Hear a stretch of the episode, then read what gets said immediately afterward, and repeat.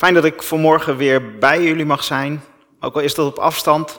Het is mooi om met jullie vanmorgen de Bijbel in te duiken en met elkaar na te denken over, zoals Maria al zei, verwondering. Um, het is een soort van herkansing vanmorgen, want uh, ik zou eigenlijk drie weken geleden bij jullie zijn. Vervelend genoeg was ik ziek en eigenlijk ben ik wel blij dat ik afgebeld heb, want ik bleek positief te zijn. Um, erg bedankt ook aan, uh, aan Wilma, die uh, de flexibiliteit had om uh, s ochtends vroeg nog mijn plek in te vullen. En um, ja, mooi dat ik nu weer fit ben en, en bij jullie kan zijn. Vanmorgen wil ik met jullie nadenken over de kracht van verwondering. Ik hou ervan. Ik hou van verwonderen. Ik vind verwonderen mooi en ik vind het ook mooi om daar met jullie over na te denken vanmorgen. Ik ben ervan overtuigd dat verwonderen goed is. Dat verwonderen ons goed kan doen, dat het een mens goed doet, dat het ook een mens wat je voor verwondering toetreedt goed kan doen. Het is krachtig. Ergens las ik als definitie van verwondering dat verwondering liefdevolle verbazing is. Verwondering is oordeelloos waarnemen of de keuze om verrast te willen worden.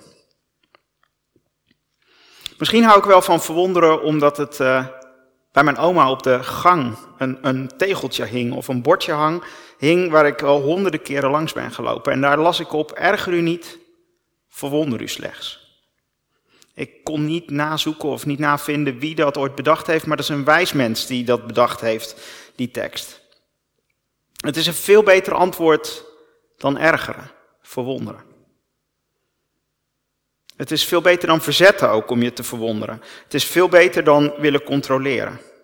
Verwonderen ofwel liefdevol verbazen, want dat vind ik echt een prachtige definitie, is in veel gevallen het beste antwoord. En toch, en toch hebben we zoveel neiging om ons te ergeren. Om dingen te veroordelen. Of zoals Maria vanmorgen vertelde eh, tijdens haar gesprek op het schoolplein, om dingen met angst toe te treden. Om vanuit een kramp te leven. Blijkbaar is dat ergens in ons gelegd om, om dat te willen. En tegelijkertijd is verwondering zo'n mooi antwoord. Als we iets niet begrijpen of als we ons benadeeld voelen of in de knel gedreven, dan zou verwonderen wel eens het meest krachtige antwoord kunnen zijn. En dan bedoel ik niet dat verwonderen met gefronste wenkbrauwen van uh, rare kerel. Nee, echt verwonderen. Verwondering die je armen opent en verwondering die je hart opent. Nou, ik kan nog heel lang blijven filosoferen over het begrip verwondering. En als je in mijn boekenkast kijkt, dan kom je ook wel wat boeken tegen over verwonderen. Daar zou ik allemaal prachtige quotes uit kunnen halen. Maar volgens mij is het mooiste boek, zeker vanmorgen om met elkaar te openen, de Bijbel. In Marcus 10 en in Matthäus kun je dit verhaal ook teruglezen. Matthäus 18 en in Lucas staat het ook. Um, daar doet Jezus het ons uh, voor. Hij zegt, zo zet je ergernis om in eh, verwondering. In mijn eigen woorden dan. We ontmoeten Jezus ergens in het noorden van Israël, aan de noordkant van het meer van Galilea. Het is het hoogtepunt van de periode dat Jezus op aarde rondwandelt als de rabbi. Dat Jezus op aarde is als de meester, als, als degene die door heel veel mensen gevolgd wordt en heel veel mensen ook in, in letterlijke zin gaan achter hem aan. Jezus is druk bezig mensen te onderwijzen. En zijn leerlingen die vatten dat dan zo op, zoals wij dat ook zouden kunnen doen, als, ach ja, dan moet zijn tijd wel zo efficiënt mogelijk ingezet worden. Dus die leerlingen stel ik me dan zo voor, die, die zijn wat om hem heen bezig om uh, dat dan goed te coördineren enzovoort. En dan gebeurt het. Er zijn allerlei mensen die brengen kinderen bij Jezus. Ach, dat is natuurlijk niet de bedoeling. Dat kan toch niet? Ze lopen de rabbi in de weg, denken die leerlingen. En met hun beste bedoelingen sturen ze de kinderen weg. Hé, hey, ga eens even ergens anders spelen, want hier gebeuren belangrijke dingen. Maar Jezus doet het anders. Hij belicht eigenlijk de situatie op een andere manier. Hij wil het helemaal niet dat ze de kinderen wegsturen. Jezus zegt juist: laat de kinderen bij me komen. Houd ze niet tegen, want het koninkrijk van God behoort toe aan wie is zoals zij. Ik verzeker jullie, wie niet als een kind openstaat voor het koninkrijk van God, of in Matthäus 18 lees je dan, wie niet gelooft als een kind, die zal er zeker niet binnengaan. Hij nam de kinderen in zijn open armen en hij zegende hen door ze de handen op te leggen. Nou, het, het, was natuurlijk vast niet zo dat de leerlingen iets tegen de kinderen hadden of zo. Het was gewoon niet de bedoeling, dachten de leerlingen, dat ze Jezus in de weg zouden lopen. Het was niet handig. Maar Jezus keert het om. Die zegt, als je niet zo als de kinderen bent, dan hoor je niet bij mij. En dan verwonder ik mij. Wat zou Jezus bedoelen als hij zegt, zoals de kinderen? Dan ben je als eerste geneigd, tenminste ik, om dan te denken als, als je ongecompliceerd bent of als je misschien zelfs wel naïef bent. Maar ik denk niet dat dat is wat Jezus bedoelt. Geloven als een kind is volgens mij niet naïef en zeker niet zonder vragen. Als ik een uurtje, een kwartiertje, een minuutje met mijn neefjes aan het spelen ben, dan is de eerste vraag al afgevuurd. En de tweede en de derde en de vierde ook. En als je met een kind in gesprek gaat, zijn dat niet per se naïeve vragen. Nee, het zijn de mooiste vragen. Zoals de kinderen is dus niet zonder vragen stellen. Wie als een kind is, die stelt juist de mooiste vragen. En ook de mooiste vragen aan Jezus. Het mooie van kindervragen vind ik dat ze zoekend zijn. Dat ze open zijn richting het antwoord. Elk antwoord wat ze zouden kunnen krijgen is goed. Daar ligt verwondering in. En, en volgens mij zijn wij daarin afgestompt. Als ik nog even naar al die filosoferende boeken ga, dan wordt er heel vaak gezegd, kinderen kunnen van nature heel goed verwonderen. En wij zijn dat kwijtgeraakt. En verwonderen is ook als je een vraag stelt, dat je dan open staat voor het antwoord van de ander. Zou het zo kunnen zijn dat Jezus dat hier bedoelt? Geloof zoals de kinderen. Sta open voor het antwoord. En sta ook open voor het onverwachte antwoord. Zou Jezus bedoelen, sta hier open met liefdevolle verbazing voor de ander? Ik vind het wel mooi om dan te kijken naar de rabbi, naar de meester. Hoe doet hij dat zelf? Hoe brengt hij die woorden in de praktijk? Laten we even met Jezus meereizen. We gaan op pad samen met hem een stuk naar het zuiden, naar Jericho, waar we kennis maken met een kleine man. We kennen Jericho natuurlijk al uit de oude Bijbelverhalen. Dat oude verhaal waar het volk Israël um, door het land Canaan trekt. En dan zien ze die grote stad met die sterke muren. Jericho. Het lijkt onneembaar. Velen die laten de moed zakken. Zitten vol van angst.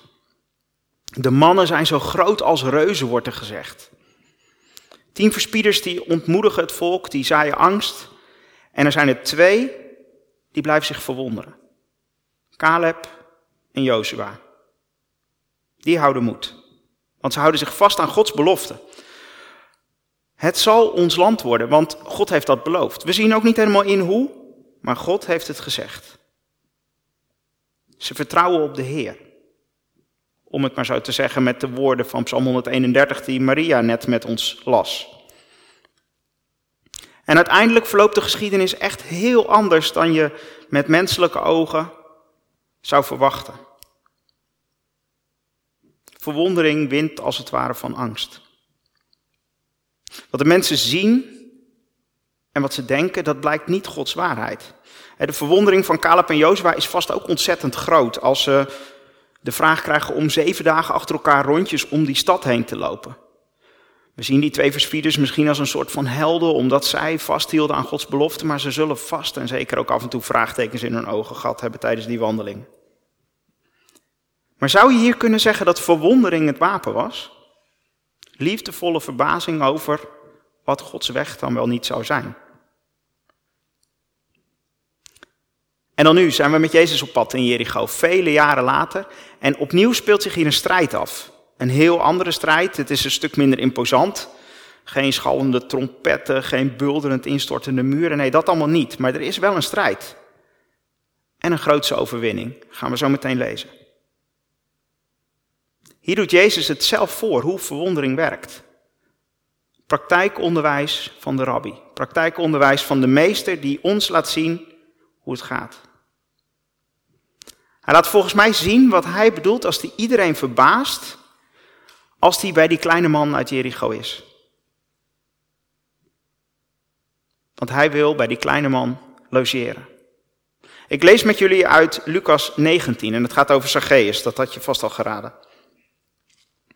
Toen ging Jezus de stad Jericho binnen. Daar woonde een man die Zacchaeus heette. Zacchaeus was het hoofd van de tollenaars en hij was erg rijk. Hij wilde wel eens zien wie Jezus was. Maar dat lukte niet, want Zacchaeus was klein. En er stonden veel mensen om Jezus heen. Daarom rende Zacchaeus een stuk vooruit en hij klom in een boom waar Jezus voorbij zou komen. Op die manier kon hij Jezus toch zien. Toen Jezus langs de boom liep, keek hij omhoog en zei: Zacchaeus, kom snel naar beneden, want ik kom bij jou logeren. Zacchaeus kwam meteen naar beneden en hij was blij dat Jezus met hem mee naar huis ging. Maar de mensen, ze klaagden. Ze zeiden, kijk nou, Jezus logeert bij een dief. Toen zei Zacchaeus tegen de Heer, ik beloof dat ik de helft van mijn bezit aan de armen zal geven. En als ik geld van iemand afgepakt heb, dan geef ik hem vier keer zoveel terug. Toen zei Jezus, Zacchaeus, je hoort weer bij het volk van Abraham. Jij en jouw gezin zijn vandaag gered, want ik, de mensenzoon, ik ben gekomen om mensen te dienen die verkeerde dingen doen. Je kunt in dit verhaal op allerlei verschillende manieren naar Zacchaeus kijken. De Bijbel noemt hem rijk en klein. Verder staat er niet zo ontzettend veel over Zacchaeus. Maar omdat het veel gebeurde bij zijn collega's, leggen wij het heel vaak zo uit dat Zacchaeus iemand was die veel aan corruptie deed. Nou, dat zou heel goed zo kunnen zijn, maar Jezus legt een andere focus. Een andere focus dan die wij geneigd zijn te leggen. Bij dit verhaal en misschien ook wel als we andere mensen tegemoet treden. In elk geval heeft Jezus een andere focus dan de toeschouwers. De klagende toeschouwers. Jezus kiest voor de weg van verwondering, van liefdevolle verbazing. Hij stelt zijn oordeel uit en hij zegt, ik wil bij jou logeren, Zacchaeus. Kom dichterbij. Ik wil je leren kennen. Hoe makkelijk was het geweest voor Jezus om mee te gaan in het oordeel? Er waren zoveel interessante mensen om hem heen en dan moet hij uitgerekend in die boom kijken naar dat kleine mannetje. Je had zo makkelijk, zoals die andere mensen kunnen zeggen, ja die dief, die moet zich verstoppen in de boom. Hij zoekt nu zelfs het beste plekje, daar kan hij Jezus goed zien. Um, negeer hem, geef hem niet de aandacht.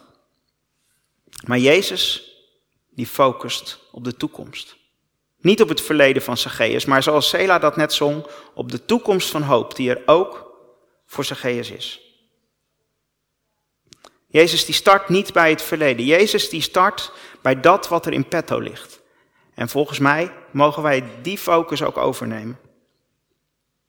Want Jezus weet dat ook Zacchaeus, misschien wel zelfs Zacchaeus, dat ook jij, dat ook ik, elke keer opnieuw een nieuwe keus mag maken. En de liefdevolle verbazing van Jezus, die, die nodigt zichzelf uit om te logeren, maar die nodigt ook vooral Zacchaeus uit voor betere keuzes. Jezus zegt, ik wil bij jou logeren. Nou, we kunnen natuurlijk proberen als we naar dit verhaal kijken om onszelf op de plek van Zacchaeus te zetten.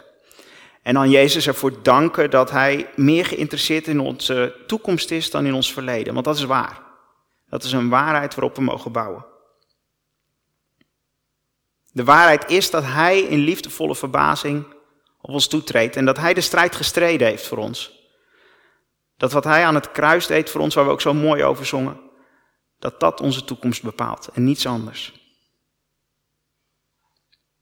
Dat is een kostbare waarheid en, en ik kan hem nog niet half bevatten. Als kind mogen we ons ook weer over die waarheid verwonderen. We mogen verwonderd openstaan zonder dat we het bevatten wat Jezus voor ons gedaan heeft. En zelfs mag je daar dan ook kinderlijke vragen bij stellen. Daar ben ik van overtuigd. Volgens mij is dat de uitnodiging van de rabbi om je vragen er gewoon bij te stellen. En, en wat mij echt raakte was het lied van Martijn Buwalda. Martijn Buwalda die, die zingt in dat lied alsof hij in die vijgenboom zit. Alsof hij op die plek zit van Zacchaeus, hoog in die boom. Dan zingt Martijn, Heer, ik heb een vraag aan u. Ik zou soms wel willen weten hoe u elke dag opnieuw weer zoveel om mij kan geven. Want Heer, ik ben zo graag bij u.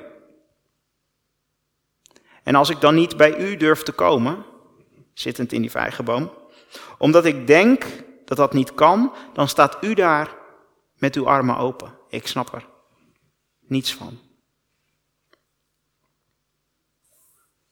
Jezus' liefdevolle verbazing is als die wandeling van jaren terug. Die wandeling om die stad die uiteindelijk Gods belofte waarmaakte. Het is niet wat je verwacht, maar wel de effectiefste aanpak. Jezus komt niet met een veroordelend verhaal richting Zacchaeus. Hij doet het anders. En zoals het volk uiteindelijk Jericho, Jericho beërft, zo verovert Rabbi Jezus het hart van Zacchaeus. Niet met iets van controledrang of verzet of wapens of wat dan ook, maar in verwondering. In liefdevolle verbazing zegt Jezus, ik wil bij jou logeren. Die onneembare stad, het hart van Zacchaeus, werd op die manier overwonnen. En mijn vraag aan jou, aan u is, hoe vaak gaan wij met verwondering richting een onneembare stad? En hoe vaak doen we dat met allerlei andere dingen? Met angst, met kramp, met controledrang. Misschien is de uitnodiging voor deze komende 40 dagen tijd wel om vaker met verwondering dingen toe te treden. Om te ontdekken wat dat oplevert. Jezus' oproep om als kinderen te geloven gaat volgens mij ook hierover. Zet je vizier open. En kies voor verwondering. Liefdevolle verbazing in plaats van ergernis. Kijk naar de belofte in plaats van wat er misgaat. Kijk naar de toekomst in plaats van te oordelen over het verleden. Zie wat Jezus in petto heeft in plaats van die mannen als reuzen. Kies ervoor om te willen zien wat God ziet. Ook al kijken we nog in een wazige spiegel. Geef de mensen om je heen, zoals de Zacchaeusen, ruimte voor nieuwe intenties. En ga uit logeren, ook als het schuurt. Dat is mijn uitnodiging voor vanmorgen voor, voor u en voor jou. Ga voor verwondering. En vul op die manier ook in wat Jezus zegt. Te geloven als een kind. Ik zou graag voor jullie willen bidden en daarna gaan we nog met elkaar zingen. Heer God, dank u wel voor uw krachtige lessen, voor uw aanwezigheid. Uw aanwezigheid toen en uw aanwezigheid nu. En dank u wel dat we in uw voetsporen mogen treden. Dat ook wij mogen kijken naar een toekomst van hoop. Voor onszelf door uw verlossende werk, maar ook voor anderen. En vader, wilt u ons helpen om onze ogen open te openen, om vooruit te kijken, om de intenties van anderen de ruimte te geven. En om uiteindelijk uw werk niet in de weg te staan, maar uw werk bekend te maken. Vader, opent u onze armen, opent u onze harten, om in verwondering open te staan voor dat wat u wilt doen. Dat bid ik u in Jezus' naam. Amen.